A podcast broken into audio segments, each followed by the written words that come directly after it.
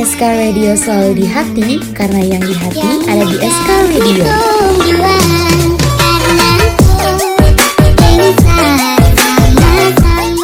Eh Educators, jangan lupa dengerin playlist kita di bulan Oktober ya Yang pastinya bakal sesuai dengan suasana hati kamu loh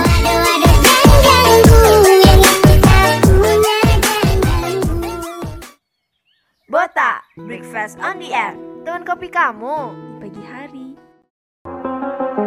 I do the same thing I told you that I never would. I told you I changed, even when I knew I never could. Know that I can't find nobody else as good as you. I need you to stay, need you to stay. I get drunk, wake up, I'm wasted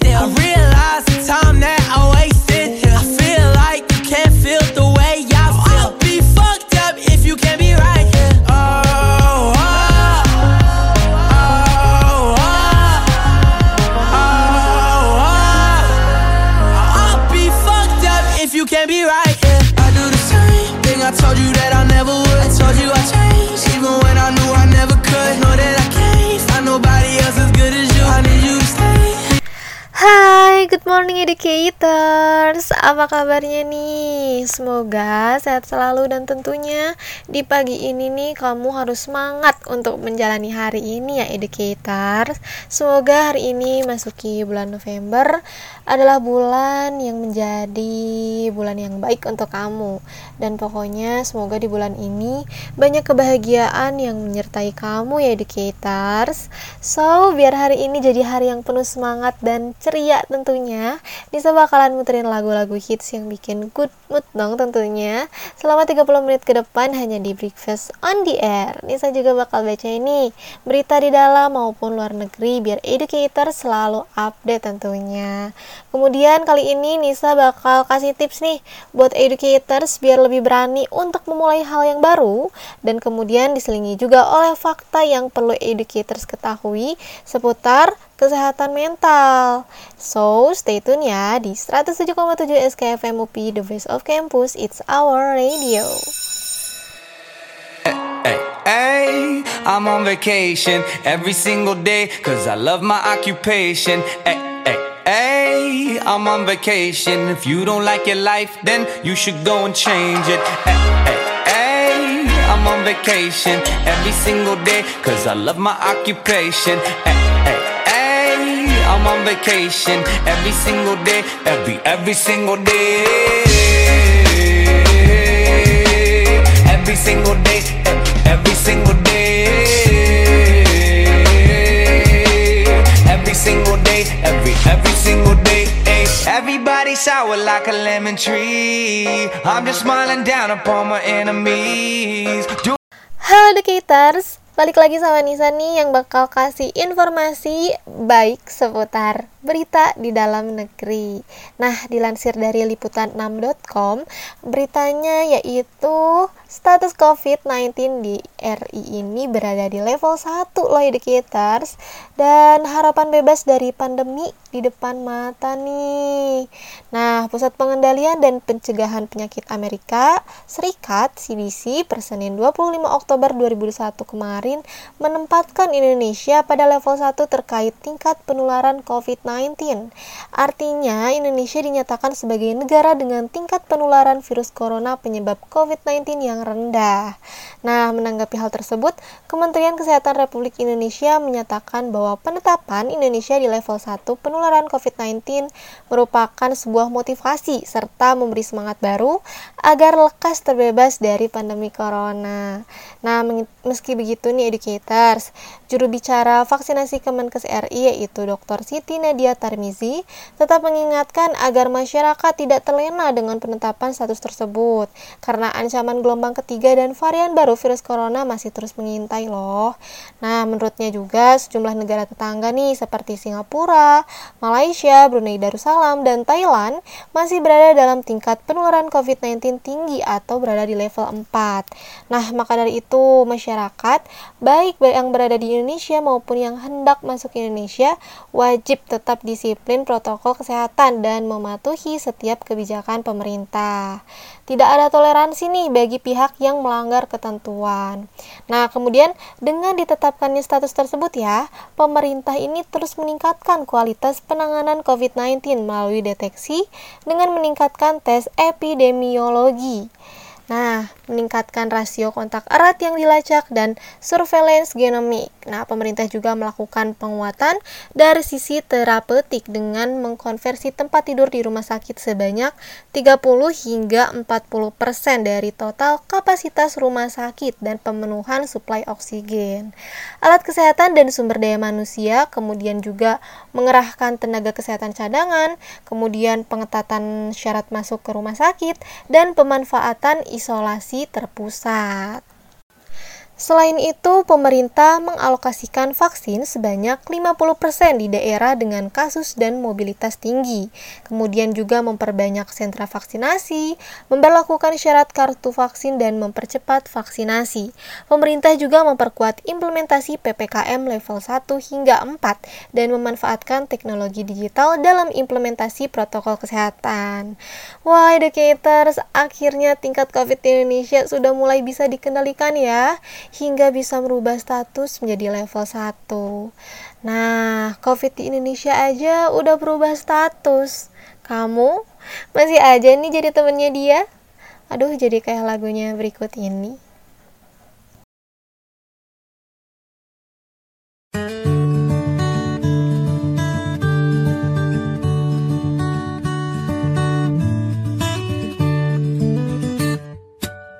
Kita jalan berdua Bergandengan tangan Tapi tak jadian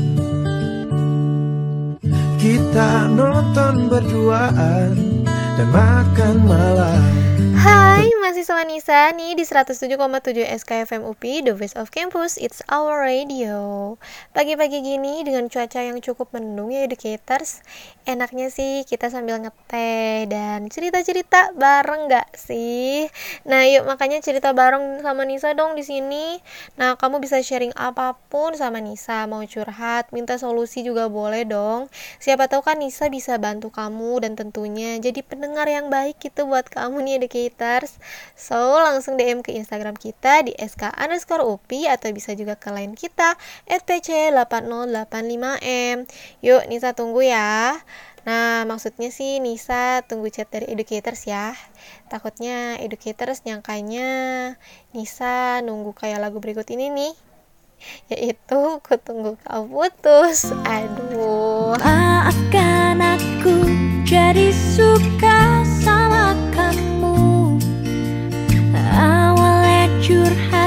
Lama-lama ku cemburu Maafkan aku yang mengharapkan cintamu.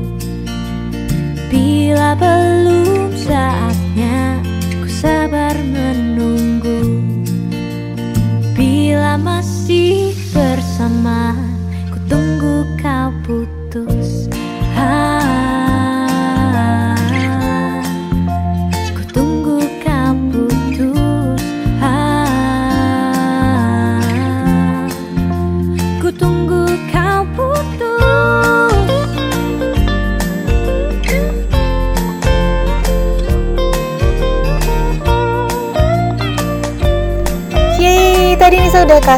berita dalam negeri. Sekarang Nisa kasih berita di luar negeri ya. Buat kamu biar selalu update dong. Dilansir dari CNN Indonesia, China nilai laporan terbaru AS soal COVID-19 berbau politis. China mengecam hasil tinjauan intelijen Amerika Serikat terkait asal-usul virus corona penyebab COVID-19. Nah, China juga menilai hasil tinjauan tersebut salah satunya berbau politis. China juga menge- mendesak AS untuk berhenti menyerang negara tirai bambu tersebut nih educators. Kecaman itu muncul setelah AS merilis versi lengkap temuannya mengenai asal-muasal SARS-CoV-19. Tinjauan tersebut menyatakan bahwa identifikasi asal-usul COVID-19 adalah perkara sulit dan bahkan tak bisa dilakukan. Tinjauan ini juga menyebutkan perlunya kerjasama China untuk mencapai penilaian konstruktif tentang asal-usulnya. Amerika Serikat juga menyebut bahwa China terus menghambat penyelidikan global. Kemudian juru bicara Kementerian Luar Negeri China Wang Wenbin menyatakan bahwa pihaknya telah menentang temuan tersebut sejak pertama kali dirilis pada Agustus lalu. Ia juga mengatakan bahwa penyadapan upaya penelusuran Badan Intelijen mencari asal-usul COVID-19 adalah bukti kuat dari bentuk politisasi. Kemudian Amerika Serikat menyebutnya harus berhenti menyerang dan mencoreng China. China telah mendapat tekanan untuk mempertimbangkan penyelidikan baru tentang asal-usul COVID-19. Namun, usulan ini selalu ditolak dan dinilai sebagai bentuk politisasi. Kemudian pada Agustus lalu, Biden mengatakan bahwa China menahan informasi penting soal asal-usul COVID-19. Ia juga menuduh pejabat China telah mencegah akses penyelidik internasional. Wah, wah, kalau COVID dijadikan sebagai politik sih, kelewatannya educators karena begitu banyak dampak yang dirasakan dan tentunya merugikan dengan adanya pandemi COVID ini. Maka dari itu, semoga pandemi ini diharapkan memanglah suatu musibah ya, yang memang pure uh, terjadi, yang harus kita hadapi dan bisa segera teratasi. Call it love and devotion. Call it a mom's adoration. Foundation, a special bond of creation. Ha! For all the single moms out there going through frustration. Clean bandit, China ball, and Marie thing make them air. She works the nights by the water. She's gone astray, so far away from her father's daughter. She just wants a life for a baby. All on her own, no one will come. She's got to save him. Daily struggle. She tells him, Ooh, love, no one's ever gonna hurt you, love.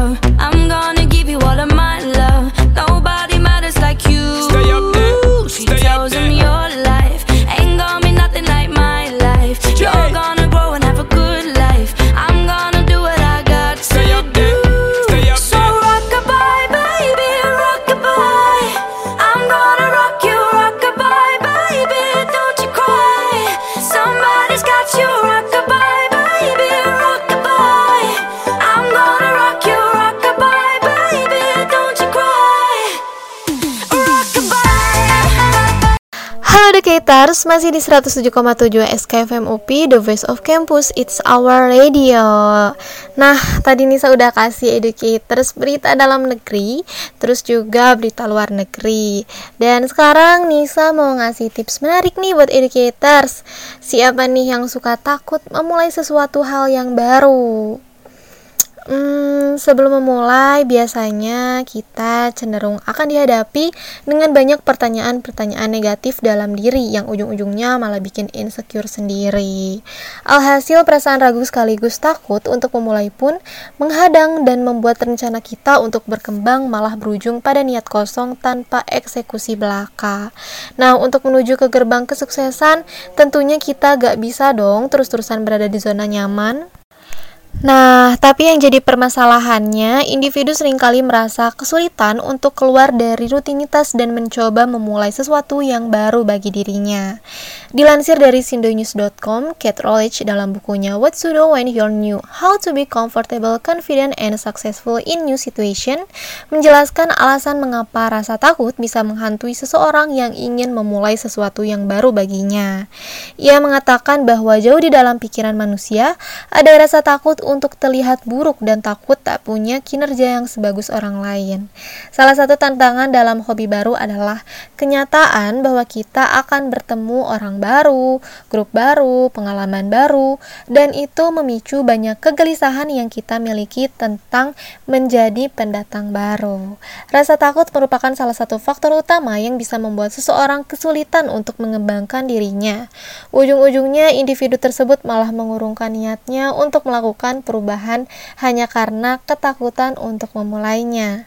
Nah, rasa takut ini membuat kita terlena educators untuk terus berada dalam zona nyaman dan cenderung ogah gitu ya untuk memulai sesuatu ke arah baru yang sebenarnya bisa membantu kita untuk lebih maju. Dikutip dari LinkedIn, ketakutan untuk memulai hal baru muncul karena kebanyakan orang akan lebih suka melakukan sesuatu yang berada dalam lingkup zona nyamannya. lebih menyukai hal yang udah pasti atau terdefinisikan, serta hal yang udah akrab dengannya. Tapi satu hal yang perlu diingat, rasa takut perlu diwalawan, bukan untuk dimanjakan. Untuk educators yang ingin menghadapi rasa takut mencoba hal baru, nah ini dia Nisa coba kasih tipsnya ya. Tips yang pertama, mempersiapkan diri sebelum memulai. Persiapan diri yang dinilai belum matang sering kali dianggap menjadi faktor yang bikin seseorang lebih ragu dan takut gagal saat menghadapi tantangan yang baru baginya. Dengan melakukan persiapan sebelumnya, rasa takut dan ragu ini bisa dikalahkan dengan rasa percaya diri untuk terus melangkah maju. Contohnya, kalau ingin membuat masakan yang sempurna nih, tentu orang yang belum pernah ke dapur perlu melatih dirinya untuk sesering mungkin memasak. Nah, pada hari pertama mungkin ia cuma bisa ngeberantakin dapur doang. Terus hari selanjutnya e, memasaknya, kemampuannya mungkin bakalan terus mengalami kemajuan sampai akhirnya berhasil mendapat rasa masakan yang sempurna yang diidamkan. Jadi, jangan lupa persiapkan diri kamu ya educators. Dan yang kedua, tetap percaya diri dan anggaplah bahwa tidak ada orang yang memperhatikan. Biasanya nih, kita akan cenderung menjadi gak percaya diri karena mikirin banget pendapat orang sekitar. Padahal sebenarnya hal semacam ini bisa jadi hanya sebatas perasaan kita doang hmm, bahasa kerennya sih disebut sebagai spotlight effect nih. Spotlight effect ini tuh adalah kecenderungan seseorang untuk percaya bahwa semua mata tertuju pada dirinya. Padahal bisa jadi orang-orang itu justru malah nggak peduli dengan kita. Jadi tetap pede aja, jangan pikirin pandangan orang lain ya di kitars. Kemudian yang ketiga banyak berkumpul dengan orang-orang yang memiliki tujuan yang sama dengan kamu. Nah, yang paling menyenangkan sih emang uh, untuk berkumpul gitu ya dengan orang-orang yang memiliki kesamaan dalam berpikir. Ketika kamu nih bertemu dan berkumpul dengan orang-orang yang sepemikiran atau satu frekuensi, kamu jadi bisa menjaga sikap optimismu secara tidak langsung. Mereka pasti akan terus membicarakan hal-hal yang positif, bahkan tak segan-segan mereka akan membantu kamu atau kalian bisa saling mendukung dan saling tolong-menolong gitu untuk melakukan sesuatu hal baru ke arah positif. Sebelum ke tips selanjutnya, kita dengerin lagu barunya Rizky Febian featuring Ziva Magnolia yang rilis bulan Juli lalu judulnya Terlukis Indah.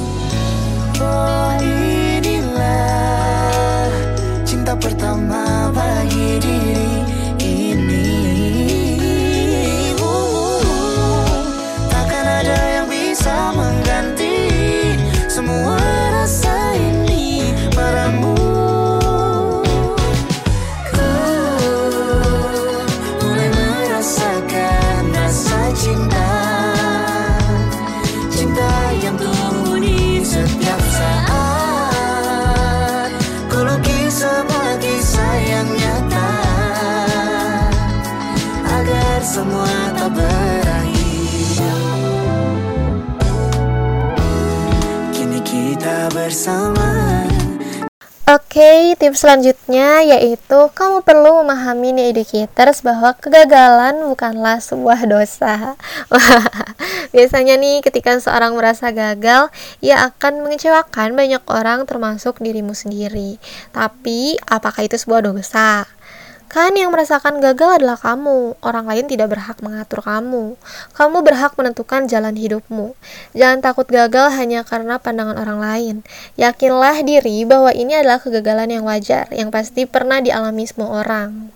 Nah, kemudian tips yang kelima, sering-sering membaca preview orang sukses tentang proses menuju keberhasilan mereka. Ingat, yang dibaca adalah proses mereka, bukan keberhasilan mereka. Ketika kamu membaca buku motivasi, kamu akan menemukan cerita seperti berapa kekayaannya saat ini, dia punya apa, dan lain-lain. Nah, seharusnya kamu membaca perjalanan mereka ketika menuju kesuksesan, karena itu merupakan sebuah proses yang mahal ya educators. Nah, bagaimana mereka bisa berani mengambil mengambil keputusan untuk keluar dari zona nyaman, atau kalau tidak bagaimana jatuh bangunnya mereka demi kesuksesan tersebut. Dengan begitu, kamu akan belajar banyak hal, terutama bagaimana mereka sukses dengan selalu mencoba hal-hal baru, tentunya keluar dari zona nyaman.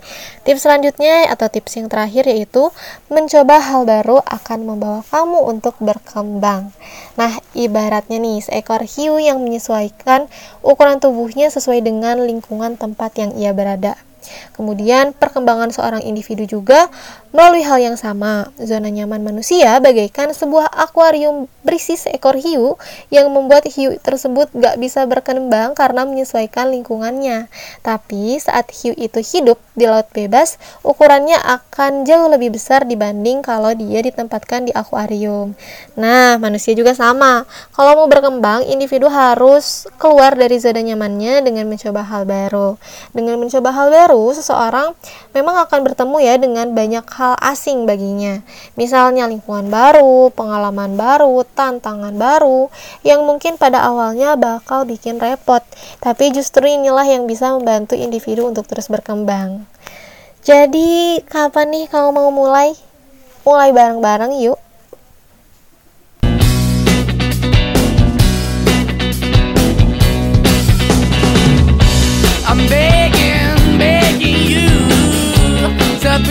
Loving hand out, baby.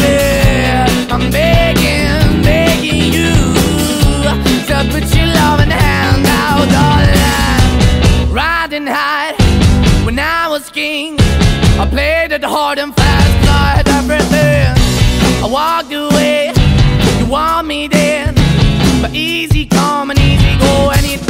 So anytime I bleed, you let me go. Yeah, anytime I feel, you got me. No, anytime I see, you let me know. But the plan and see, just let me go. I'm on my knees when I'm begging, cause I don't wanna lose you. Hey, yeah, da da da cause I'm begging, begging you. Uh, put your love in the hand out, baby. I'm begging, begging you. Uh, put your love in the hand.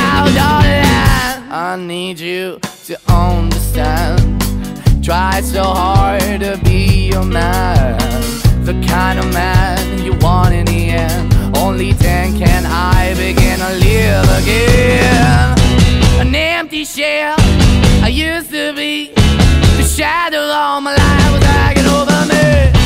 A broken man that I don't know won't even stand, that never stands to be my soul. Why we're chilling, why we're chasing, why the bottom, why the basement, why we got good, she don't embrace it. Why the feel for the need to replace me? You're the wrong way, trying to good. I went up in a feature town where we could be at, like a heart in the best way, shit. You can give it away, you have, and you took the pay, but I keep walking on, keep opening the door, keep open for that the door is yours, keep also home, cause I'm the one that live in a broken home, girl, I'm begging.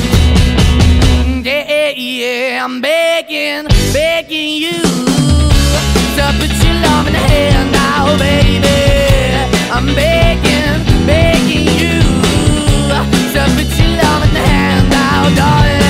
I'm fighting hard to hold my own. Just can't make it all alone. I'm holding on, I can't fall back. I'm just a call, but your face is black. I'm begging, begging you put your loving hand out, baby. I'm begging, begging you to put your loving hand out, darling. I'm begging, begging you to put your loving hand out, baby. I'm begging, begging you to put your loving hand out, darling. I'm begging, begging you. So put your loving hand out, baby. I'm begging, begging you. to put you love and hand out.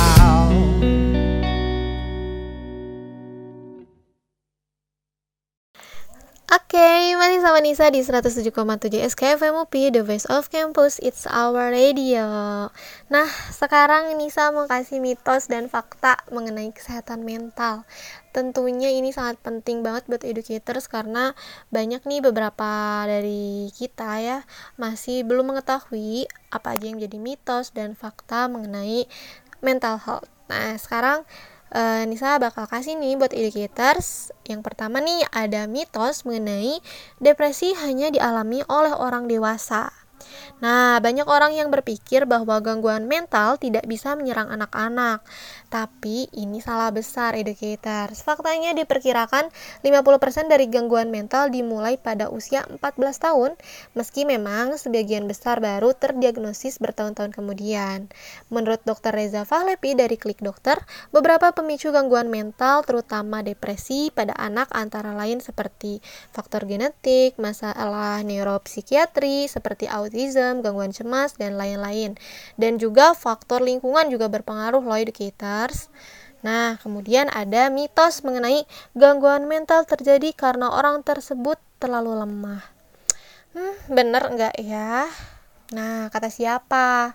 Gangguan mental bukan salah siapa-siapa. Kondisi ini dapat terjadi pada siapa saja educators, tidak melihat usia, jenis kelamin, ras atau status ekonomi. Dan kamu tidak perlu merasa malu atau bersalah mengatakan bahwa kondisi mental seseorang disebabkan oleh kelemahan diri sendiri. Itu hanya akan membuat pasien merasa tertekan. Pahamilah bahwa gangguan mental dapat disebabkan oleh beragam faktor, seperti genetik, diet yang buruk, atau perubahan besar yang terjadi dalam hidup seseorang. Selanjutnya nih, ada mitos juga, orang dengan gangguan mental sebaiknya menyembunyikan kondisinya. Nah, kalau ini sih Nisa nggak setuju banget karena stigma negatif yang banyak beredar mengenai kesehatan mental, banyak orang dengan gangguan mental lebih memilih untuk menyembunyikan kondisi mereka. Padahal sebenarnya cara terbaik untuk menghilangkan stigma ini adalah dengan mendiskusikan tentang isu kesehatan mental secara terbuka. Nah, siapa tahu kan dengan begitu penderita tersebut bisa lebih lega gitu ya untuk menceritakannya. Daripada disembunyikan e, dibawa beban sendiri gitu ya lebih kepikiran sih kalau Nisa sendiri kalau misalkan e, punya sesuatu disembunyikan nggak berbagi atau diceritakan ke orang-orang seperti itu. Tapi ya e, dalam hal apa dulu ya e, maksudnya untuk berbagi itu. Nah kalau untuk gangguan mental kan siapa tahu orang lain bisa membantu seperti curhat atau butuh curhat gitu ya berdiskusi nah kamu bisa menceritakannya dengan teman kamu yang dekat atau sahabat kamu educators Selanjutnya ada mitos mengenai gangguan mental yaitu memicu tindak kekerasan. Nah, nggak sedikit yang menganggap bahwa orang dengan gangguan mental cenderung agresif dan kasar. Menurut Mental Health Amerika, sekitar 95 hingga 97% tindak kejahatan kekerasan dilakukan oleh orang tanpa gangguan mental. Selain itu, banyak orang dengan gangguan mental malah tidak pernah berlaku kasar, justru mereka lah yang menjadi korban kekerasan. Nah, maka dari itu nih, kadang kan banyak orang yang sifat kriminal, berbuat kriminal dengan mengatasnamakan dia gangguan mental. Padahal salah tuh. Itu emang perilakunya aja yang buruk ya educators ya. Jangan bawa-bawa kesehatan mental dikit-dikit. Sekarang kan kalau lakuin salah dia bilangnya kesehatan mental kesehatan mental padahal itu nggak bisa dinormalisasikan educators nah selanjutnya ada mitos bahwa kamu tidak dapat mencegah gangguan mental Hmm, kata siapa? Seperti halnya kondisi kesehatan lain, gangguan mental dapat muncul secara tak terduga dan terjadi pada siapa saja. Ya ya, dapat muncul secara tak terduga gimana aja jodoh tiba-tiba datang. Ya gitu lah ya. Namun ada banyak cara untuk mengurangi resiko gangguan mental dan ini bisa dimulai saat kamu masih muda. Salah satu langkah terpenting dalam mencegah gangguan mental adalah dengan selalu menjalani gaya hidup sehat mengenali dan memperhatikan tanda dan gejala gangguan mental serta melakukan pemeriksaan kesehatan secara rutin. Dan e, menurut Nisa sih salah satu yang ngaruh ya untuk mencegah kesehatan mental yaitu selalu berpikir positif, kurang-kurangin overthinking dan berpikir negatif. Seperti itu di kita. Nah, selanjutnya ada mitos yaitu gangguan mental tidak bisa dipulihkan kembali. Nah, padahal penelitian menunjukkan bahwa orang-orang dengan gangguan mental dapat pulih dari kondisi mereka. Mereka juga dapat bekerja, belajar, berkontribusi untuk masyarakat luas dengan baik. Nah, stigmatisasi terhadap orang-orang dengan masalah kesehatan mental masih sering terjadi nih educators. Kamu bisa membantu menghilangkan stigma tersebut dengan tidak menganggap kesehatan mental sebagai hal yang tidak tabu atau perlu disembunyikan. Apabila kamu merasa keluarga, teman, atau bahkan diri kamu sendiri nih educators memiliki gejala dari gangguan kesehatan mental, tidak perlu malu untuk menemui psikolog atau memanfaatkan layanan konseling daring yang kini semakin banyak ya. Karena kesehatan mental itu penting educators. Kalau kata Mawar Eva, dia si dia lebih penting gitu ya dari ibuku. Tapi kalau kata Nisa sih kesehatan mental lebih penting lagi dari si dia. Sulit bagiku menghadapi kamu. Tapi ku takkan menyerah. Kau layak ku perjuangkan.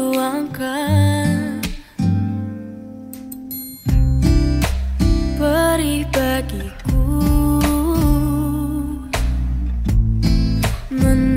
dan marahku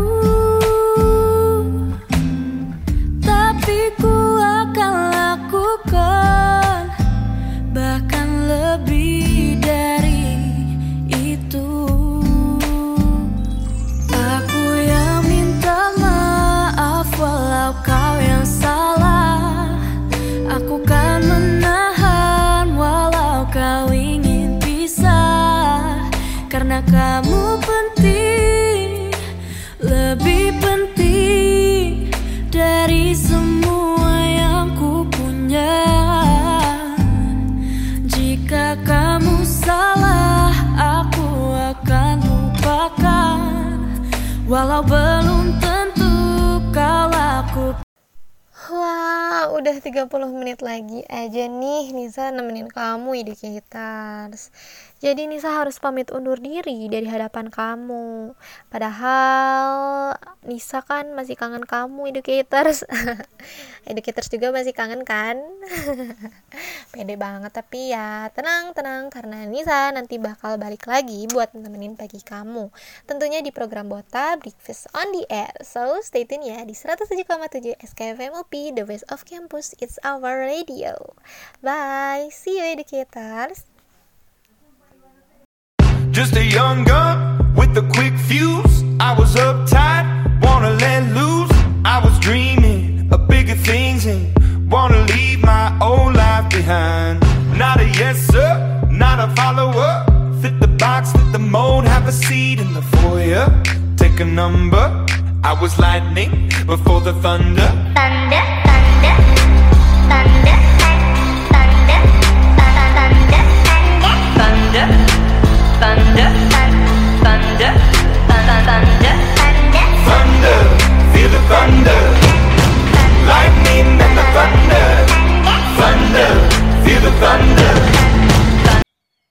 Bota, breakfast on the air. Teman kopi kamu